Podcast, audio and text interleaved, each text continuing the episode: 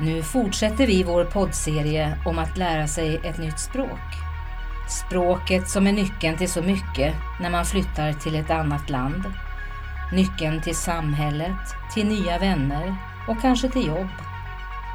Men hur gör man då för att lära sig ett nytt språk? Vad är svårt och vad är lätt? Jag heter Ann-Sofie Lindholm och får återigen träffa några människor som gjort just det. Flyttat till Sverige, lärt sig svenska och tagit plats i samhället.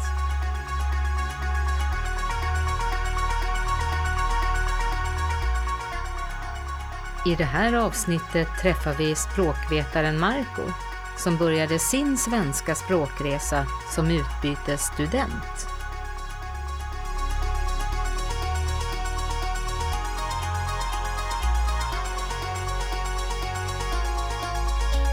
Så, då kör vi. Välkommen hit. Tack. Berätta lite om dig själv.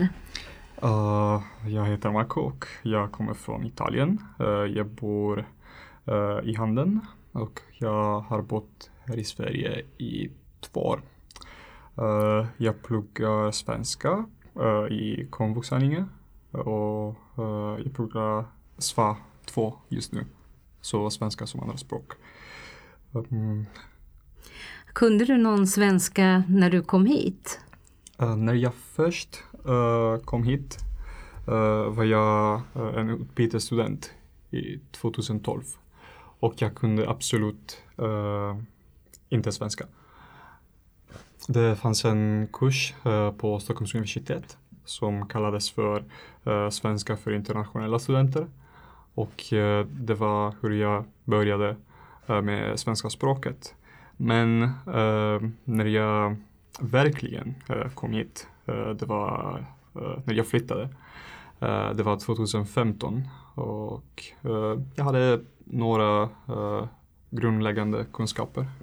Mm. Men in, bara, bara en enkel uh, nivå. Mm. Ja. Minns du ditt första ord?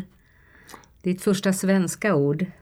Um, en av de uh, grejerna som jag uh, lärde mig först var uh, um, Jag älskar dig.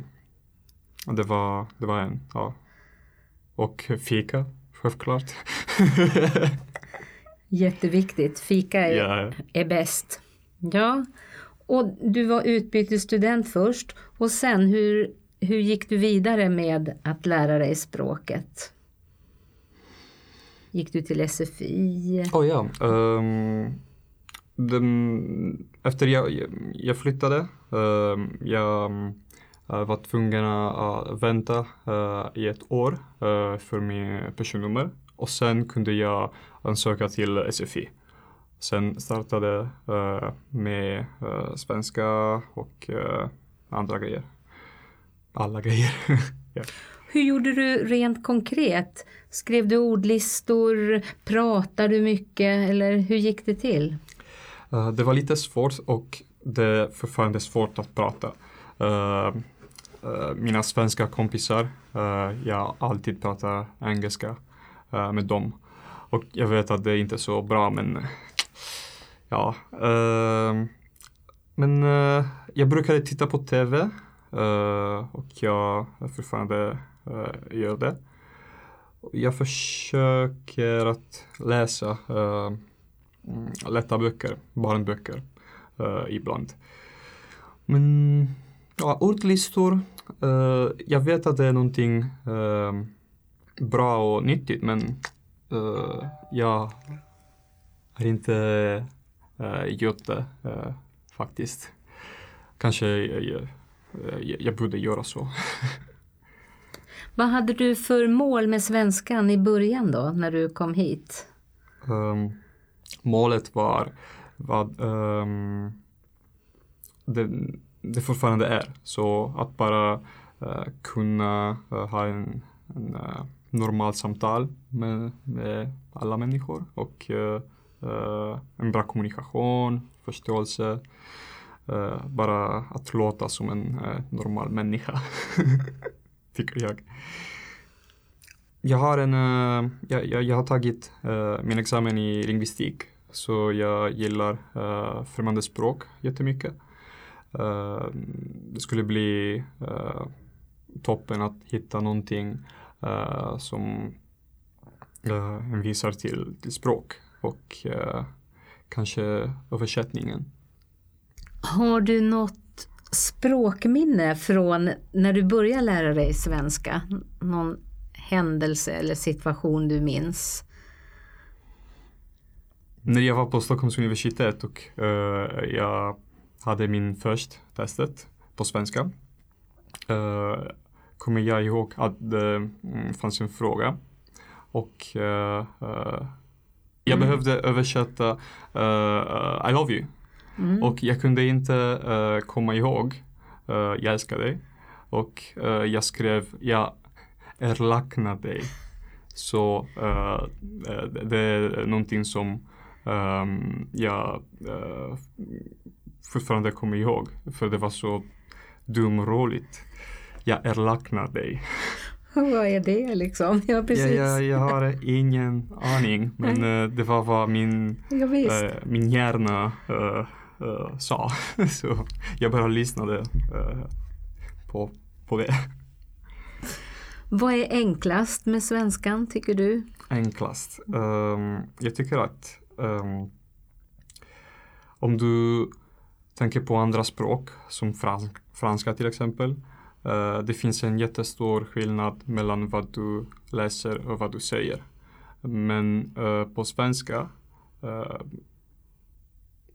nästan eh, alla bokstäver som du läser, du, du måste uttala dem. Så det finns ingen um, undantag eller eh, reglerna. Um, det, det, finns några exempel som uh, S plus K till exempel.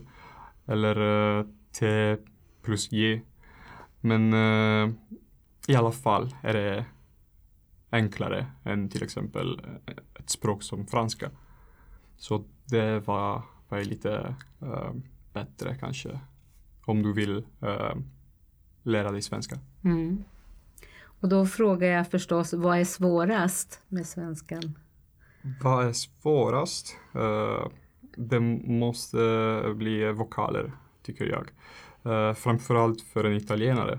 Um, för att vi har um, sju uh, vokalljud.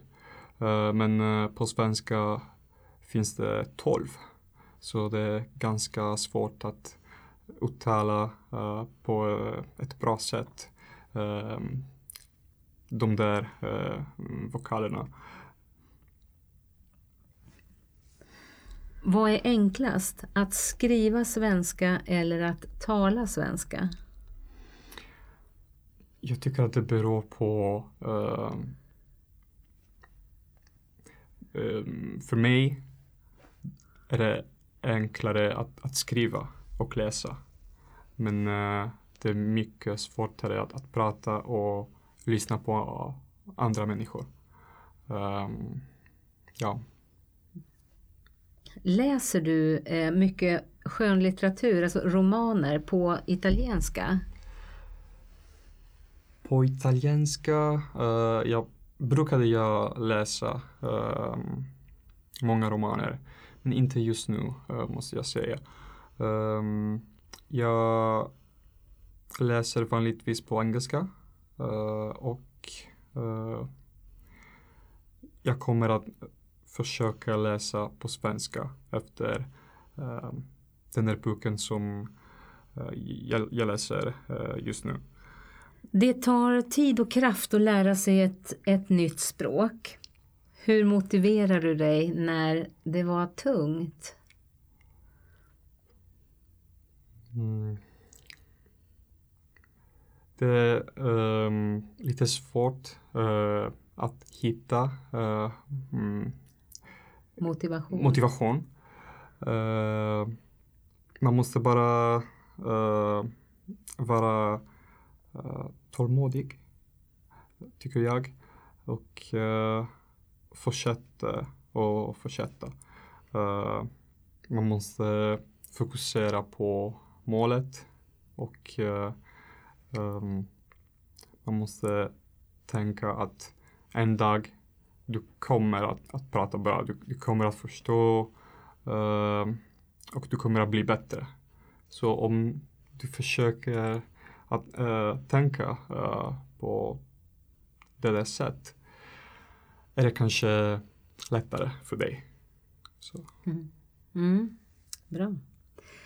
Eh, just det. Avslutningsvis, eh, vilka tips har du till den som lär sig svenska just nu? En bra tips som jag kan uh, ge är att uh, inte prata engelska. Även om du kan och uh, självklart du kan engelska. Och alla svenskar kan, kan också göra det. Men det hjälper inte. Uh, du måste öva på din svenska och uh, du måste prata det så mycket som, så mycket som möjligt. Mm. Så prata svenska med dina svenska kompisar. Tack så mycket. Mm, tack, så, tack så mycket.